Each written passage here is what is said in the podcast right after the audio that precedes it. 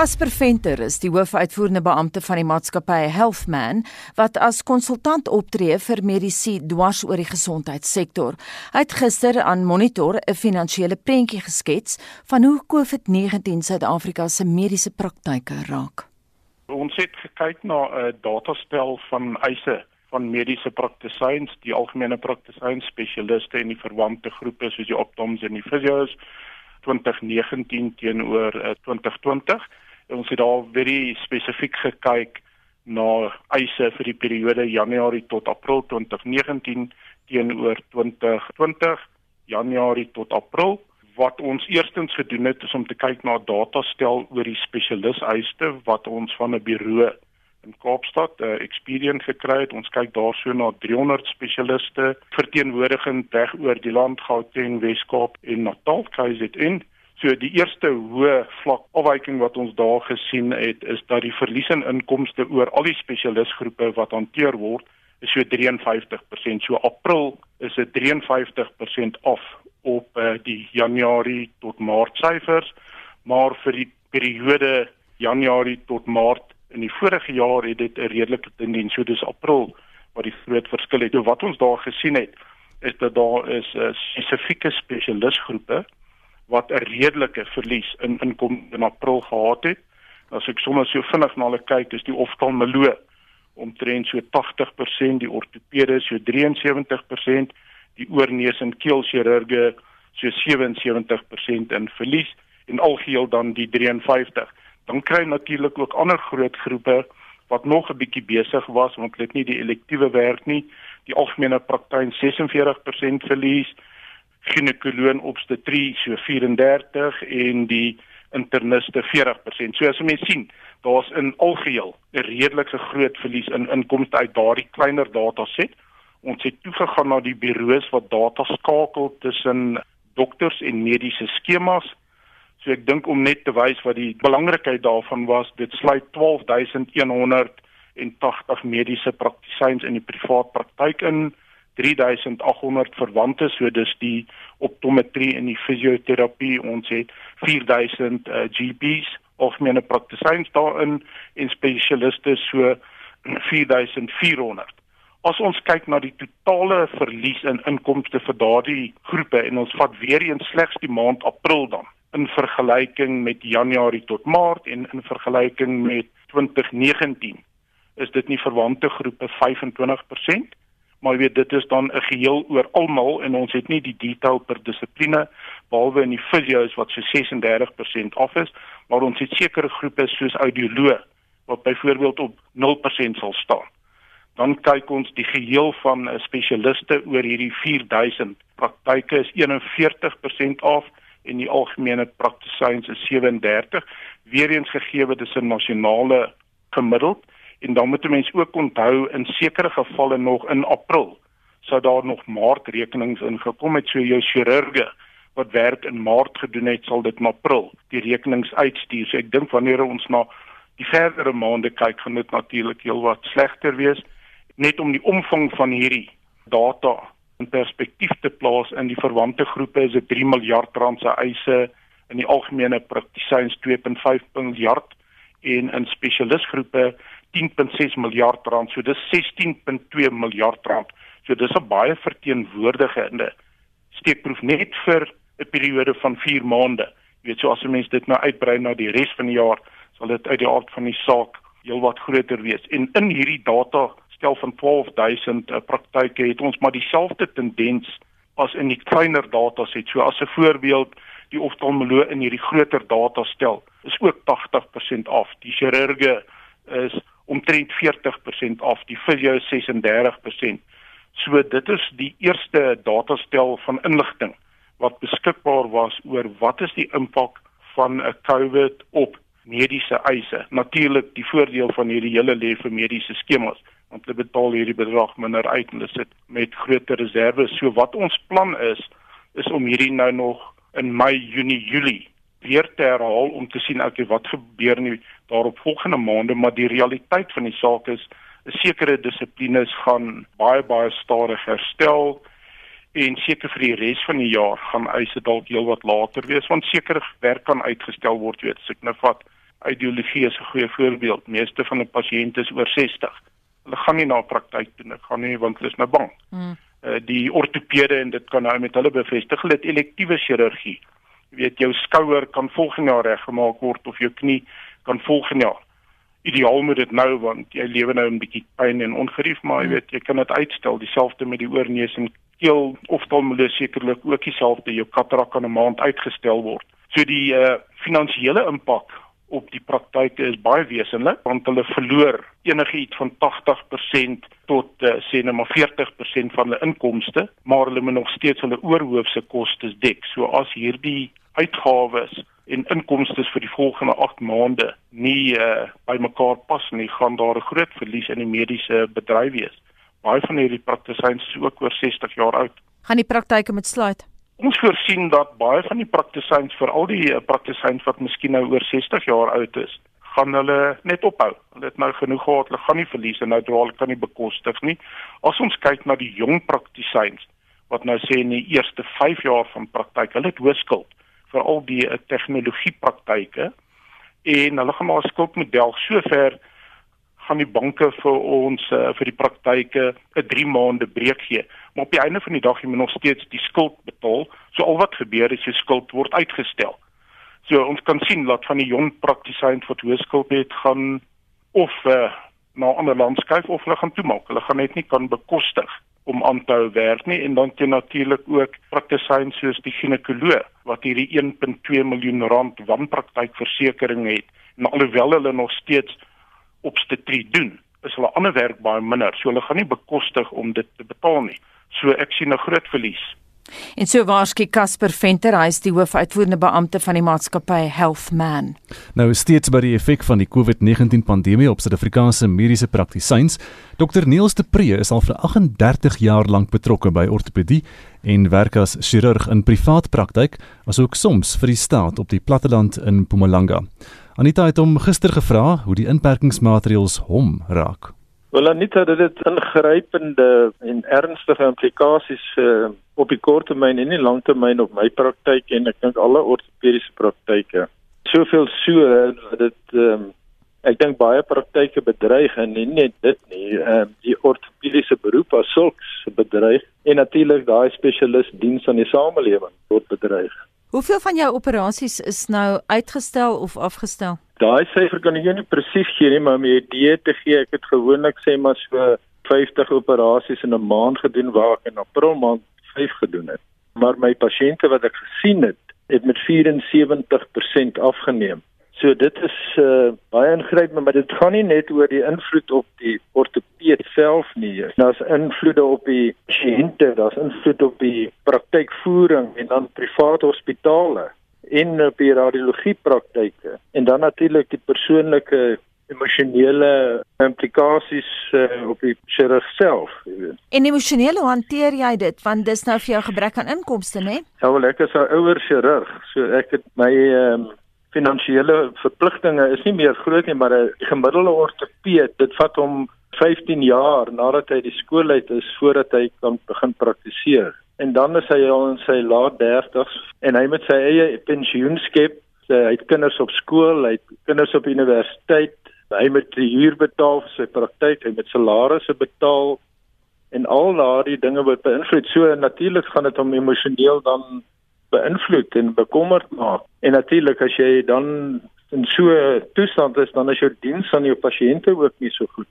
Wat die pasiënte self betref, uh, jy het nou gesê dit het 'n groot impak op hulle, maar in julle geval baie keer kan van die operasies kan uitgestel word soos knievervangings, heupvervangings, daai soort van ding of hoe? Wel, die ding is daar's basies twee groot klas hier, die elektiewe operasies natuurlik soos gewrigsvervangings en kroniese toestande, maar die probleem met daai kroniese toestande, die mense gebruik geneesmiddels tydelik om hulle pyn te verlig en dit het neeweffekte op hulle liggame sulks, maar die ding is as jy te lank die uh, siekte ortopediese siekte het, het anatomiese en strukturele invloed op liggaam En as dit te lank neem, dan kan dit permanente skade veroorsaak wat dan funksionele skade aan die pasiënt veroorsaak. Dis nou koue of elektiewe pasiënt, maar dan moet mense net die trauma vergeet nie. Alhoewel die trauma natuurlik ook geweldig afgeneem het Daar's nie meer sportmense wat seer kry nie en daar's nie meer werksbeserings maar aan die ander kant die ortopediese diens aan sulke mense hy hou sportmense in hulle beroep en dan ook mense wat werksbeserings kry. Hy kan teruggaan werk toe nadat hy herstel het en as as die ortopediese beroep as sulks ten gronde gaan of verval, gaan daai effek ook daar wees Niels het nou vroeër gepraat van jonger dokters. Dink jy daar's van hulle wat hulle praktyke sal moet sluit? Ja, sonder twyfel, jy weet hy moet huur betaal, hy moet salarisse betaal, behalwe sy persoonlike onkoste. Ja, om 75% van jou inkomste te verloor. Ek meen jy het 'n langtermyn finansiële beplanning gedoen. Jy huur 'n kar of jy huur 'n spreekkamer, wat ook al, en daai goed verval nou. Hulle gaan bankrot gaan. En die effek daarvan ook op die private hospitale, 'n groot groot deel van die private hospitale se inkomste is ortopediese operasies. En as dit weggaan, dan gaan die private hospitale begin bedreig word en hulle gaan hulle deure kan oopmaak. En dis nie net hulle nie, die radiologie praktyke is baie grootliks afhanklik van ortopediese radiologiese ondersoeke. As daar nie meer dit is nie, dan gaan die radiologie praktyke ten gronde gaan. En dan natuurlik die beroepe wat ons help, soos die fisioterapeute en die arbeidsterapeute. Hulle almal se praktyke word bedreig. En die ergste van alles is niemand kon hierdie virus voorsien nie, Niels. Dis nou een aspek, maar die ander aspek die lockdown het verskriklik skielik op ons afgekom. En die effek daarvan ook is ek het nou moes toe pasiënte elektiewe operasies kanselleer en vir hulle sê alright wanneer dit nou weer oop gaan bel ek julle. Toe ons nou na vlak 4 toe gaan en sê goed, ons kan nou onder sekere omstandighede en sekere voorwaardes weer elektiewe operasies doen. Toe bevan hulle gesê maar hulle gaan nie nou kom nie want hulle is bang. Hulle is bang vir die hospitaal, hulle is bang hulle word aangesteek. So daai effek het ook uh, effek op ons praktyke. En dan ook in die langtermyn, baie mense verloor nou hulle werk en hulle gaan of kry finansiële probleme, so hulle gaan hulle mediese fondse stop of hulle fondsplan na 'n ander plan te verander wat byvoorbeeld nie gewrigsvervangings gaan insluit. So op die lang termyn gaan dit lank neem vir daai sê maar om dit nou maar so te stel, daai mark weer in te kry vir ortopede. So die ortopede gaan nie net as die lockdown opgehef word nou môreoggend weer herstel. Dit gaan 'n jaar, 2 jaar neem. Nou hoe gaan die ortopede oorleef in daai tyd? Dit is 'n geweldige ding wat hierdie lockdown gedoen het op ons beroep. Dink jy julle as medisy is genoegsaam gekonsulteer voor daai besluit glad te neem? Glad nie. Jy graag nou 'n onderwerp van wat wat kontroversieel is, maar nou moet 'n mens onthou dat die ortopede is dokters. Jy word eers 'n dokter. En baie van ons was in algemene praktyk. So ons het 'n bietjie kennis van 'n virus en ons het kennis van wat die lewens siklus van 'n virus is en so en ek dink verseker ja is ons nie gekonsulteer nie. En hoe dit ons praktykvoering kan beïnvloed want daar's nou regulasies en goed wat ingestel word en ek wil nou nie kontroversieel wees in 'n argument betrokke raak maar ek is seker dat as ons gekonsulteer het oor die toepassing van die regulasies op ons praktykvoering sou dit nie so 'n geweldige skielike negatiewe effek gehad het nie. Niels hoe sien jy jou eie pad vorentoe? Dit bekommer my in die opsig dat dit is nou so dat ek begin nou my salarisse betaal uit my pensioen uit wat ek jare opgebou het. Die mense wat vir my werk is kundige mense. Hulle is van hulle sal oor die 20 jaar, hulle weet hoe om die administrasie te doen. Ek kan nie so 'n persoon sommer net oornag vervang nie. So ek met daai persoon moet ek aanhou in my diens, maar nou het ek nie meer 'n praktyk omset nie. So ek begin nou my salarisse betaal uit my eie pensioen uit om daai kundigheid te hou. En hoeveel mense het jy wat vir jou werk? 4. Daar's iemand wat die ontvangs doen, jy het een wat jou finansiële billing doen en met die mediese fondse. Ek het een persoon wat net met motiverings en uh, magtigings gewerk het en dan het jy iemand wat jou kredietbeheer doen. Nou op die oomblik is daar net 3 oor. En daai mense se families is ook afhanklik van my inkomste. As ek skielik hulle inkomste dan word hulle beïnvloed. En daar's ook 'n emosionele verantwoordelikheid wat ek voel, jy weet teenoor daai mense.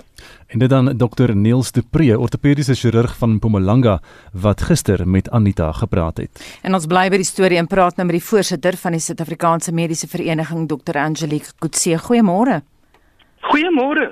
Goeiemôre aan al die luisteraars daar buite. Jy het nou na daardie twee onderhoude geluister. Hoe erg ervaar jy die probleem? Ehm um, weet jy, nie een van die twee vorige sprekers het ehm um, dit oordryf nie. En ehm um, ons ervaar die probleem as van van van algemene praktisyns kant af nog erger.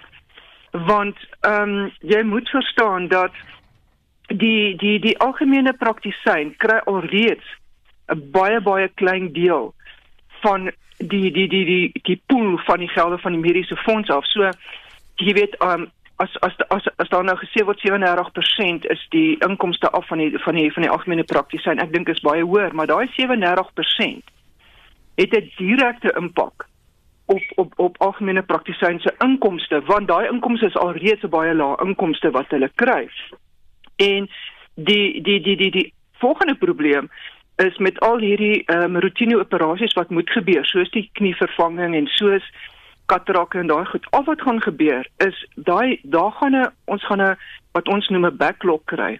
So eers gaan hierdie pasiënte, hulle gaan nie weggaan nie. Miskien gaan hulle doodgaan, maar hulle gaan nie weggaan nie. So hulle gaan nog steeds geopereer moet word op 'n stadium. En ek is nie seker of die stelsel dan dit gaan kan hanteer nie. En ehm um, jy moet ook onthou, ehm um, bis baie baie relevant wat die twee vorige sprekers gesê het. So jy moet onthou dat ehm um, Engeland en Kanada en al die ander lande is al klaar besig om uh uh ehm um, vir dokters uh, goed uh, inligting te stuur sodat jy hom vir jou te kan vertel luister ehm um, jy kan immigreer dit gaan ons vir jou doen hm. en daar's 'n klomp voordele so ek ek sien swaarheid vorentoe jy weet ehm um, dit is waar dat die in in Sama het ons gaan kyk na na wat is ons ouderdomsgroepe so meer as die helfte van ons Sama lede is bo die ouderdom van 45 Dis en, en ons het omtrent um, 16000 plus lede. So nou kan jy vir jouself van dink as die helfte van daai lede bo 45 is, is dit dan, dan dit sluit GPs en spesialiste in. Dan het dan het die die IPA's, die in die uh, onafhanklike praktisiensorganisasie, ehm um, hulle het gaan kyk na hulle lede en hulle getalle is van net algemene praktisiens is dat meer as uh uh 5 uh, meer as 50 uh, meer as 50% van hulle lede is bo 55 jaar. So hier kom groot drama vorentoe. So jy weet Sama het in die verlede gesê ons is ons ons gaan nog die oog van die storm ingaan. Maar die oog van die storm ja. gaan nie nou lyk my nou nie net die COVID wees nie. Hierdie oog van die storm gaan ook wees dat ons gaan verlies hê aan dokters, ons gaan 'n verlies hê aan ander kundiges in die mediese wêreld. Hier kom groot drama. Angelique, ons het nou gehoor wat dokter Depree sê oor die konsultering en oor die raadpleging wat wat daar nie was met die met die praktiserende medisyne. Was daar was daar raadpleging van die regering se kant af met julle in die mediese vereniging? Nee. Nee, julle moet onthou, hierdie nie, meeste van hierdie um, goed wat ingestel is is ingestel op grond van die ehm um, mediese ag die die die die ja, die ministeriële advieskomitee wat op daai stadium na al die statistiek gaan kyk het en gesê luister ons ons het nie genoeg um, ons is nie voorberei nie ons sal moet ehm, 'n um, lockdown doen maar die die detail van die lockdown is nie het nie van die van die mediese ag van die van die ministeriële advieskomitee gekom nie. Die ander ding wat vir Sama baie ehm um, kommerwekkend is is dat daar is 'n jy weet die die die, die riglyne van die die die NICD verskil van die riglyne wat ander departemente inbring. Nou praat ons van departemente buite die departement van gesondheid. So hierdie begin naderhand 'n hele die mekaar spul raak want dit lyk amper asof die die groepe nie vers, die die die een departement nie verstaan wat die ander departement sê nie. So ons kry ons kry verskillende ehm um, uh uh inligting van verskillende uh, uh bronne af en en dit is nie dit is nie met ons bespreek nie. Dit is nie en en dit is onaanvaarbaar wat tans gebeur. Onaanvaarbaar. Ons praat vanoggend met die voorsitter van die Suid-Afrikaanse Mediese Vereniging Dr. Angelique Kutse. Ons het nou ook gehoor dat uh, eh, Dr. Neels de Pre gesê het finansiëel gaan geweldig baie praktyke eenvoudig ondergaan. Hy self met sy pensioengeld gebruik om uh, van sy mense nog aan die gang te hou en te betaal. Daar's 'n loyaliteit van hierdie mediese aan hulle werkers. Kry jy daai klagtes van baie mense wat sê kyk man, my praktyk gaan met toemaak. Ja. Ons kry baie, ehm um, ons kry baie bekommerde dokters wat vir ons sê wat kan ons doen? Ehm um, dit is 'n groot probleem. Jy weet ek Sommige kan nie vir jou 'n geldjie gee nie. Ek ehm um, ons kan probeer ons bes probeer om ehm um, te beïnvloed waar ons kan en te sê asseblief hierdie goed moet verander. Ons kan nie vorentoe gaan nie. En dit dit lyk vir my ek wil net weer terugkom na na hierdie vlak 5 en vlak 4. Dit dit voel vir my as ek so kyk na die na die na die media en in in in in die ehm um, goed wat daar buite gesê word dat dit so voel asof die regering sekere departemente sê as jy nie luister nie gaan ek jou terugsit in die hok jy die, die wat hulle nie verstaan nie is die hok was nie daar om die virus te stop nie want ons gaan nooit die virus kan stop nie ons het ook nooit gesê ons gaan nie die die die die ehm um, level 5 was basies daar vlak 5 was daar om ons te probeer help. En as ek nou so terugkyk dan sien ek weet jy miskien in die publieke sektor het daar bietjie beter goed gebeur. Die private sektor het het ehm um, al hulle voorstellings vir die regering gegee hoe om saam met die regering en die publieke sektor te werk. Tot nou, dis vir die laaste 2 weke het daar niks van gekom nie. Ons sit en wag om te sien wanneer gaan ons nou betrek word in die private sektors om saam met die publieke sektor te werk. So hierdie tipe van voete sleep gaan vorentoe ook nie goed werk nie. En as hulle nie as die regering vir al op provinsiale vlak want dis waar ons 'n weerstand on, ondervind op as hulle nie op provinsiale vlak gaan begin om die private sektor by die publieke sektor te betrek nie en met ons te begin saamwerk nie, kan ek nou vir jou sê, gaan die nasionale gesondheids um, plan wat wat hulle wil instel baie baie swaar kry vorentoe want as hulle nie eers nou met ons kan saamwerk nie, hoe gaan ons dan hierdie goed vorentoe kan uitsorteer? Angelique, daar was nou ons ongelukkig oor ja, hierdie goed. Daar was nou 53 algemene praktisyns en spesialiste wat onlangs 'n brief geskryf het aan president Cyril Ramaphosa dit van gestuur en hom vertel van die penarie waarna hulle nou verkeer. Wat was die president of die presidentsie se reaksie? Ek het nie ek het nie die reaksie gesien daarop nie. Ons verstaan dokters is ook warm onder die kraag oor die 200 Kubaanse dokters wat die land ingebring is. Wat is die reaksie daar en hoekom? Ja, ons het nou al uh, uh, weet op verskeie platforms gesê, ons het gedink ons bly dit ons bly by ons standpunt, hulle is voor, voortydig ingebring. Jy het gehoor hoeveel um, algemene praktisyns en spesialiste sit daar tans buitekant in die private sektor wat absoluut nie werk het nie wat net daar sit. Ons kon hierdie ouens gebruik het om hierdie ehm um, uh ehm um, data te wil versamel waarvan hulle praat.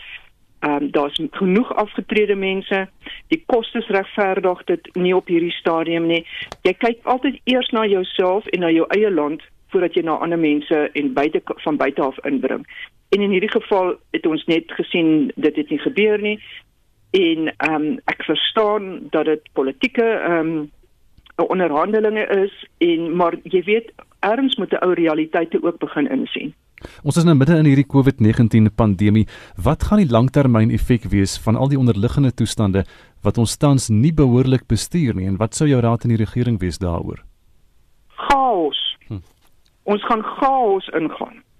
En laat ek nou vir jou vertel, ons is die die mediese vereniging en die algemene praktisyn daar buite wat wat wat primêr met kroniese pasiënte werk is bitter bitter ongelukkig. En ons het ek het nou 'n skrywe aan die minister gerig en gesê ons wil 'n vergadering hê oor die nuwe re regulasie wat ingebring is dat aptekers kan nou besluit jy weet of kan jy nou jou voorskrif kry en of kan jy hom nie kry nie kan ek hom sommer vir jou herhaal. Nou as jy nou vorentoe 'n tweede golf gaan sien dan gaan jy die golf sien van kroniese pasiënte swak hanteer is wat nie dokter toe gegaan het vir hulle 6 maandelike se preskripsie nie en COVID gaan kry dit gaan 'n tweede golf gee. So ons gaan 'n uh, ons gaan vorentoe ons maak vir onsself drama. Ek ek verstaan nie hierdie goed nie. Ek verstaan nie hoekom mense baie keer in ons land sit ons en ons kyk wat is die beste praktyke in die oorseese lande en wat die oorseese lande doen. En dan wil jy dit indring in ons land en jy vergeet dat ons land het sy eie unieke infrastruktuur, het sy eie unieke gesondheidsstruktuur kan nie net gaan vat wat in 'n ander land werk nie. Jy moet hier kom en daar's genoeg groepe hmm. waarmee die regering kan sit en sê luister, hoe wat dink julle, hoe gaan ons dit doen? Maar dit gebeur nie. Op hierdie stadium wat 'n groot ook 'n groot bron van kommer vir ons is, um, ek sit ook op die advieskomitee. Ons het nou 'n uh, 'n skrywe gerig aan Dr. Slim Karim wat ons sê, weet jy, ons sien wat in die advieskomitee aan aan die gang is. Dit is die regering vra vir raad en dan moet ons advieskomitee gaan kyk na na na dit waarna hulle vra. Maar as ons gaan kyk na wat daar aan die gang is, dan is ons heeltyd besig om om te te redeneer oor pasiënte wat in ICU in in in, in, in intensiewe sorg lê, daai 5 tot 10% van pasiënte wat in 'n hospitaal gaan beland. En ons sê, julle is besig om te vergeet van die 80% daar buite wat miskien nie in die hospitaal gaan beland nie, maar hy het ook sy sy vrese. Hulle wonder ook wat om te doen. Om hmm. jy weet hmm. on, ons vergeet die massa daar buite. So ons konsentreer op 'n klein groepie en dis alwaaroor hierdie goed gaan. Ons moet verder as ons sou dink. Net laastens, ons het nou gehoor dat die ortopediese chirurg Dr Neels de Pre gesê het, nou dat hy wel weer kan begin met sekere operasies, sê die pasiënte vir hom hulle is te bang om hospitaal toe te gaan en ons hoor dit by ander dokters ook. Wat van telemedisyne? Hoe voel julle daaroor? Wel, ehm um, baie dokters wil graag hê ons moet telemedisyne doen my persoonlike opinie, dit het niks met SAMA te doen nie, is dit is 'n baie baie moeilike ding. Telemedisyne, dis kan jy meer doen vir mense met emosionele probleme en klagtes. Maar ehm um, net om jou voorbeeld te gee, ek het so 2 weke terug 'n telekonsultasie met 'n pasiënt gehad wat sê die pasiënt wil nie eet nie, 'n man van die lekker nie, sy suster al die al die bloeddruk, al die goedjies, ek kon alles vir my gee, ek kon hom sien, hy lyk vir my fyn oor die oor die oor die oor die ehm um, oor die oor die uh, oor die kamera en net om um, vroeg in hierdie week vir my te sê hy kan nie eet nie. Weet jy iets is verkeerd en toe ek kom ek het gesê kom in en toe kom sien toe sien ek hy's geel. Ek kan dit nie sien oor die oor die ehm um, kamera nie. Hmm. Daar's goed wat jy nie oor 'n kamera kan sien nie. So telemedicine het sy plek, maar ook moet die dokters baie versigtig wees hoe jy jou telemedicine gaan gebruik. Jy kan dit nie op enige geval gebruik nie. Baie dankie vir daai onderhoud dit dan Dr. Angelique Kutse, voorsitter van die Suid-Afrikaanse Mediese Vereniging.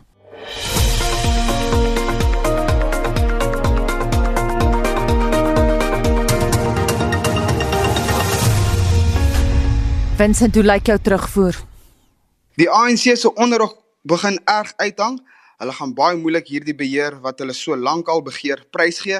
Uiteindelik het hulle die geleentheid om die ekonomie te transformeer na 'n command-ekonomie. As jy lank genoeg die ekonomie inperk, sal net staatsinmenging dit kan red. Dit sal dan op die ANC se voorwaardes plaasvind, veral wat eienaarskap betref. Lees tussen die lyne is Mike wat in Brits woon se mening daar.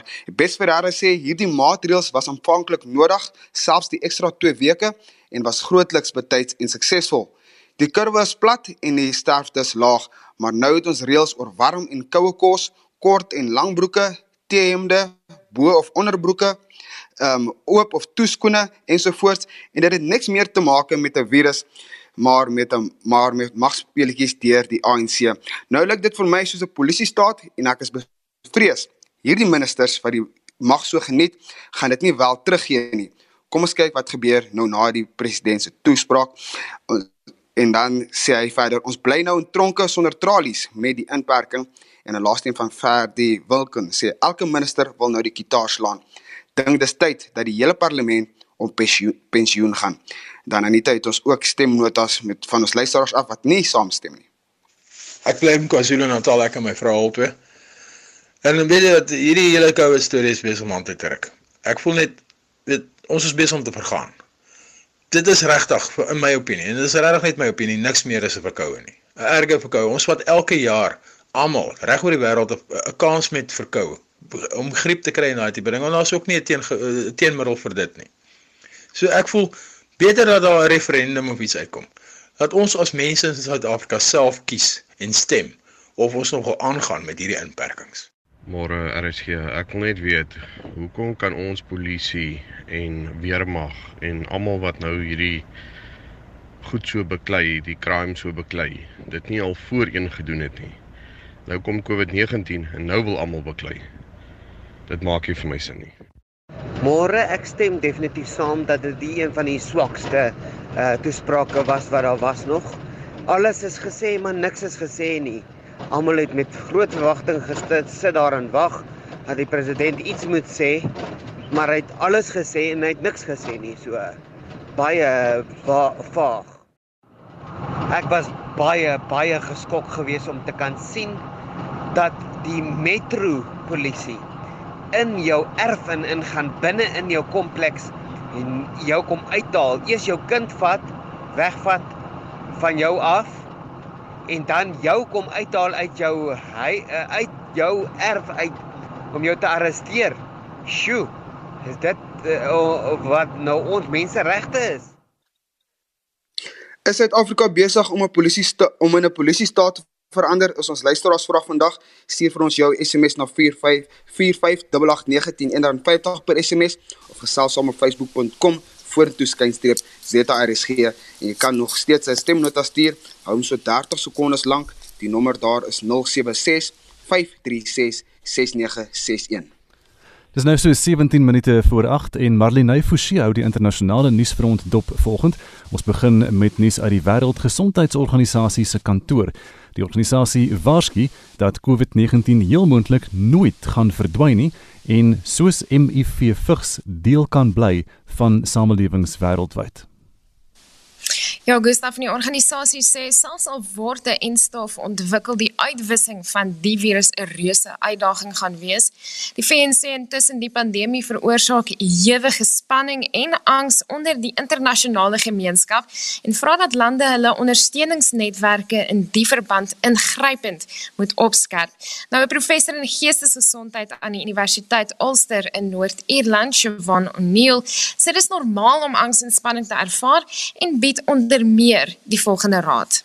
Now the time to, to think about learning a language or taking up a new activity in some way um, and try and use this time in a productive way if you can. And if you can't, that's okay too. Um, maybe it's just about relaxing and distracting yourself with movies, um, things that you know that you would have usually enjoyed.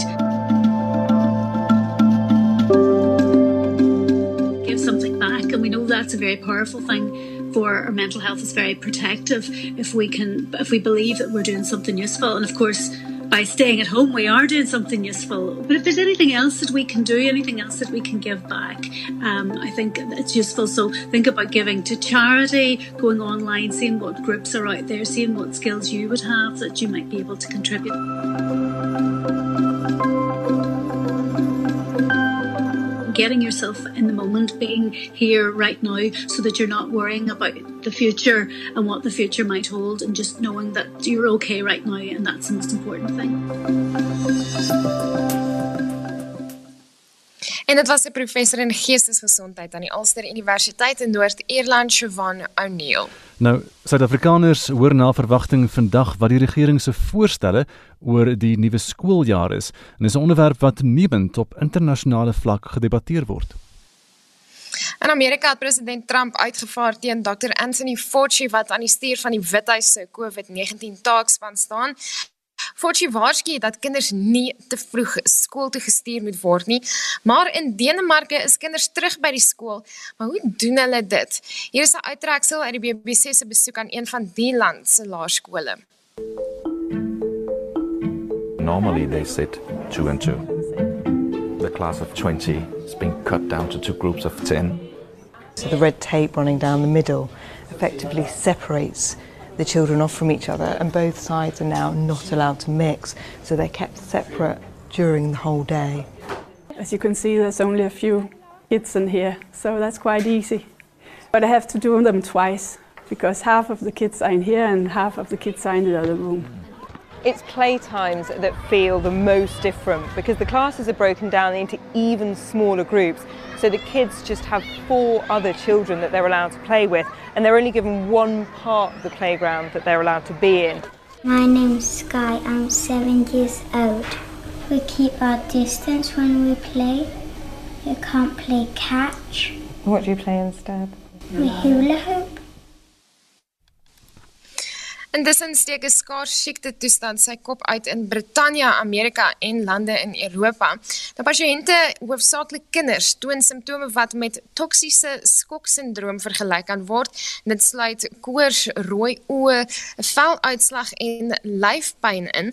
Nou 'n kliniese dosent in pediatrie en oordraagbare siektes aan die Imperial College in Londen bespiegel dat dit met COVID-19 verbind kan word, juis omdat dit nou weer begin kop uit uitsteek. 'n Tiener van 14 jaar oud is hieraan dood. En dit was dan Marlene Forsie met vandag se wêreldnuus. Die Kaapstadse Metroraad was die week in die Hooggeregshof in Pretoria oor 'n saak oor munisipaliteite se wetlike reg om uh, krag onder die wet op energieregulering aan te koop. Indien die Metroraad die saak wen, sal dit 'n presedent vir munisipaliteite en ander groot kragverbruikers skep om regstreeks krag van onafhanklike verskaffers aan te koop. En vir meer hieroor praat ons nou met Tommy Garner van die Suid-Afrikaanse Instituut vir Onafhanklike Kragprodusente. Tommy, goeiemôre. Goeiemôre, Gustaf. Het jy enige rol te speel in hierdie hofsaak? Gustaf, nee, uh, ons spesifieke vereniging het nie eh, 'n uh, rol te speel hierso nie. Ons uh, luister egter aandagtig na na wat daar aangaan. Nou die Kaapstad se metro, Tommy wil nou self besluit by wie en wanneer hulle krag aankoop, het sy dit Eskom of die IPPs is. Maar hoe gaan dit werk? Sanita, dit is nog onduidelik. Uh die minister het onlangs ehm um, nuwe wetgewing daar daar daaroor gepubliseer vir kommentaar openbare kommentaar. Ehm um, en in die kommentaar ehm um, sê dit dat die munisipaliteit mag aansoek doen by die minister om eie opwekkingskapasiteit te skep of om krag aan te koop by by onafhanklike krag uh verskaffers. Ehm um, maar as dit so aansoek met uh, van 'n doenlikheidsstudie vergesel word.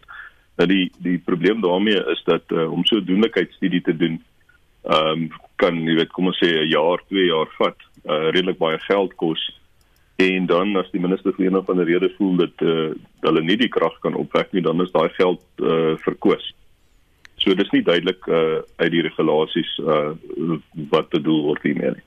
So Tommy dit wil nou voorkom asof dit die Kaapstad se metro is wat die meeste werk doen om uh, te verseker dat hulle krag van onafhanklike kragverskaffers sal kan koop. Wat is julle ervaring hiervan? Is daar belangstelling in ander dele van die land ook? Gustav ja daar is um, ek dink oor die algemeen ons as uh, SAIPA het 'n uh, het 'n uh, um, verstandhoudingsooreenkoms met die AMEU, die Vereniging van Munisipale elektrisiteitsnutsdienste en ehm um, uh, daar's definitief by hulle uh, gewaarwording dat die elektrisiteitsopwekkingsindustrie totaal verander. En ehm um, so hulle is al uh, weet redelik besig um, om dit te ondersoek. En daar is uh, staatsrade soos Nelson Mandela Bay en Ikuruleni wat uh, ook aandui dat hulle dit graag sal wil doen. Wat sou die alternatiewe wees? Tommy, wat is die wyse pad vorentoe? My gevoel Anita is dat ehm um, ek stem saam dat munisipaliteite hulle eie krag moet kan uh, verskaf of aankoop. Uh, die vraag wat mense net vra is of hulle dit self moet verskaf. So ehm um, daar's in elk geval druk op dienslewering en op die fiskus. So die vraag is hoekom hulle munisipaliteite dan geld spandeer om hulle eie kragstasies te bou. Uh, terwyl hulle eintlik op 'n baie mooi kompeterende proses kan besluit en van onafhanklike kragverskaffers kan uh, kan aankoop. So um, wat ek sal voorstel is dat die um, kragaankoopkantoor van die onafhanklike uh, van die van die departement van mineraal uh, hulpbronne en energie um, wat verantwoordelik is vir die aankoop van onafhanklike krag ingespan word om dit namens munisipaliteite ook te doen en daar moet ons net 'n uh, onderskeid tref tussen aankoop en verkryging. Ehm um, so die die onafhanklike krag aankoopkantoor moet verantwoordelik wees vir verkryging daarvan en kan dan namens die munisipaliteit optree in die proses want dit is 'n baie komplekse proses uit 'n tegniese, kommersiële en regsoogpunt en vir elke munisipaliteit om daai vermoë uh uh te verkry om om om om sulke aankoop te doen uh sal baie duur wees en en dit sal dit 'n duplikasie wees. Jy praat nou daarvan dat die wetsontwerp wat munisipaliteite toelaat om hulle eie energie op te wek of dan nou aan te koop, is intussen oopgestel vir openbare kommentaar. Is julle tevrede met die regulasies daarin soos dit nou staan?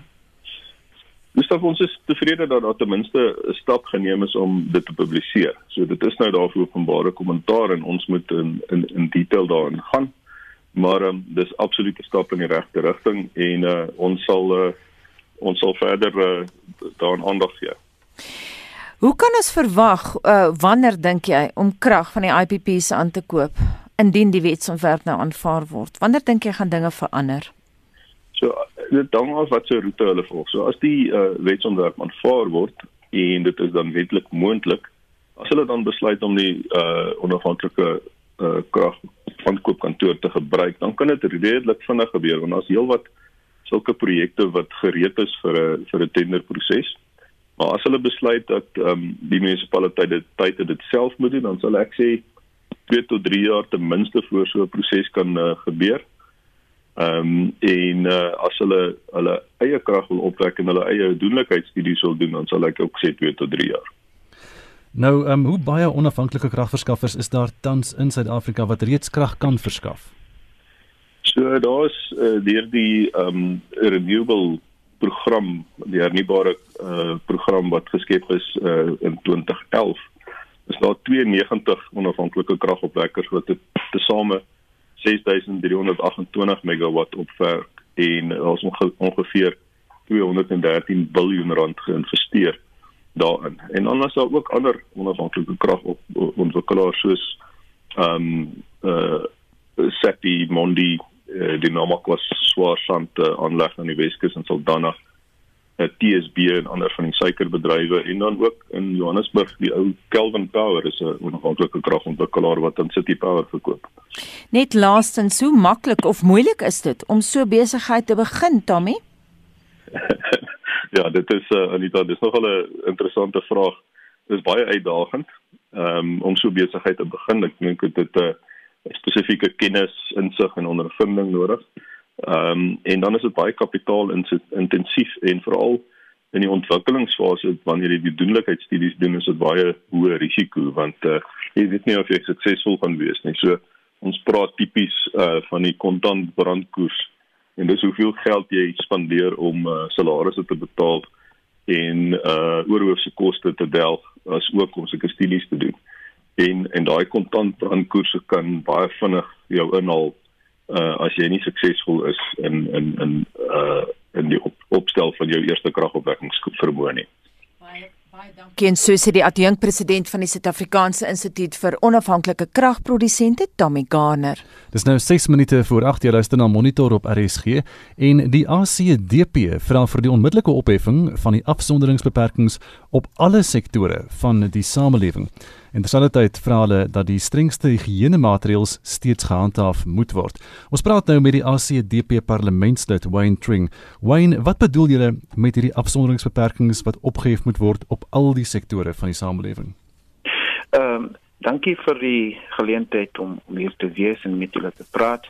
Ehm um, soos ek uh, voorgesê het, uh Engels is my eerste taal en ja, Afrikaans ja. Afrikaans my tweede taal so ek kan nou die antwoorde in Engels gee. Uh the the ACDP has called for the immediate lifting of the lockdown restrictions on all sectors. Uh but we also we've also couched that by saying that um we also wish to ensure that there are su uh, sufficient uh, hygiene conditions because certainly we do not want people's lives to be compromised. But we feel that the much like your actuaries uh, in South Africa who have called for the lifting of the restrictions, and, and, these are people who look after the future of companies to ensure that um, the uh, the companies are successful uh, and they mitigate the risks that companies actually have. And these actuaries have actually indicated that if we continue along this particular path, South African actuaries, if government continues along this particular path, the mortality rate and the number of people that will die from unemployment, the consequences of unemployment, because the the the uh, unemployment rate is set to actually skyrocket uh, from our current 38% on the broad definition of unemployment uh, to to some um, uh, over 50%, and we could see in excess of 1 million people actually losing their jobs. And so the actuaries have actually said that if we continue along this rate, we will see more hunger, uh, starvation, unemployment uh, uh, as a result of, of unemployment, uh, which will cause more harm to uh, to the health of South Africans than the COVID-19 virus itself. Nou Wayne, wat dan van die stryd teen hierdie COVID-19 virus? Ehm um, sal Sweets om dit alles op te hef dit nie in gevaar stel nie. Uh, jammer kan kan jy nou uh, weer? What about uh, the the fight against the virus itself? Mm -hmm. If if you lift all the restrictions, will it mm -hmm. not mm-hmm. be uh, jeopardizing that uh, that process? I, I certainly do not think so. I, I think that um, if one looks at the rate of infection uh, from the time of uh, the surveys being put out and the statistics that have actually been kept, uh, the infection rate uh, as a percentage against those that have actually tested positive uh, has been 1.9%. Um, the percentage rate, however, as a, as uh, compared to the total number of people tested, um, is some 0.05 percent. The percentage rate of the entire population of those who have actually tested po- and passed on. Sorry, so the the mortality the mortality rate um, is is almost insignificant as as a percentage of the entire population. So we're looking at a mortality rate currently of some 1.9% of those who um, have tested positive and uh, 0.05% uh, mortality rate of the entire number that has been tested and uh, an almost insignificant uh, percentage mortality rate of the entire population. So certainly we do not think that the uh, while there is a risk um, now, now, let me also add that, that we currently also have more people who die from influenza. I'm talking about just flu. Uh, more people who die from influenza in South Africa than have actually died from the COVID 19 virus per day. Wayne, just lastly, your reaction to the president's address to the nation last night. I think that the president certainly missed an opportunity. He missed an opportunity to open up the economy. He missed an opportunity to say that we will we are now able to go into at least stage three, if not stage two. Um, I, I think that he missed an opportunity to bring uh, other significant role players like the church uh, on board as well. Um, we, we are finding that, uh, sadly, from what we are hearing, uh, there are many NGOs and many church and religious organizations that are complaining that they are talking about lifting restrictions for uh, shebeens and uh, the sale of alcohol and so on. Um, but the restrictions on the church uh, are, are still going to apply. And so I think certainly as the African Christian Democratic Party, we think it was a missed opportunity by the president uh, to do more. Wayne baie dankie. Dit was die ACDP parlementslid Wayne Tring. Maar nou lyk like Spectrum. Die minister van basiese onderwys Angie Motshega gaan na verwagting vandag bekend maak wanneer die skole sal heropen. Die DA in die Wes-Kaap is bekommerd oor die toekoms van die toerismebedryf veral in die lig van beweringe dat dit moontlik eers op vlak 2 mag heropen en 'n kenner gee raad oor skuld en banke se huidige beleid daaroor. Skakel in tussen 1 en 2 vanmiddag op RSG. En dit was monitor met waarnemende uitvoerende regisseur Wessel Pretorius, volgens redakteur Hendrik Martin, die produksieregisseur Daitrin Godfrey. Bly geskakel op RSG vir praat saam volgende met Lenet Francis Puren. Ek is Gustaf Vreiding en my naam is Anita Visser.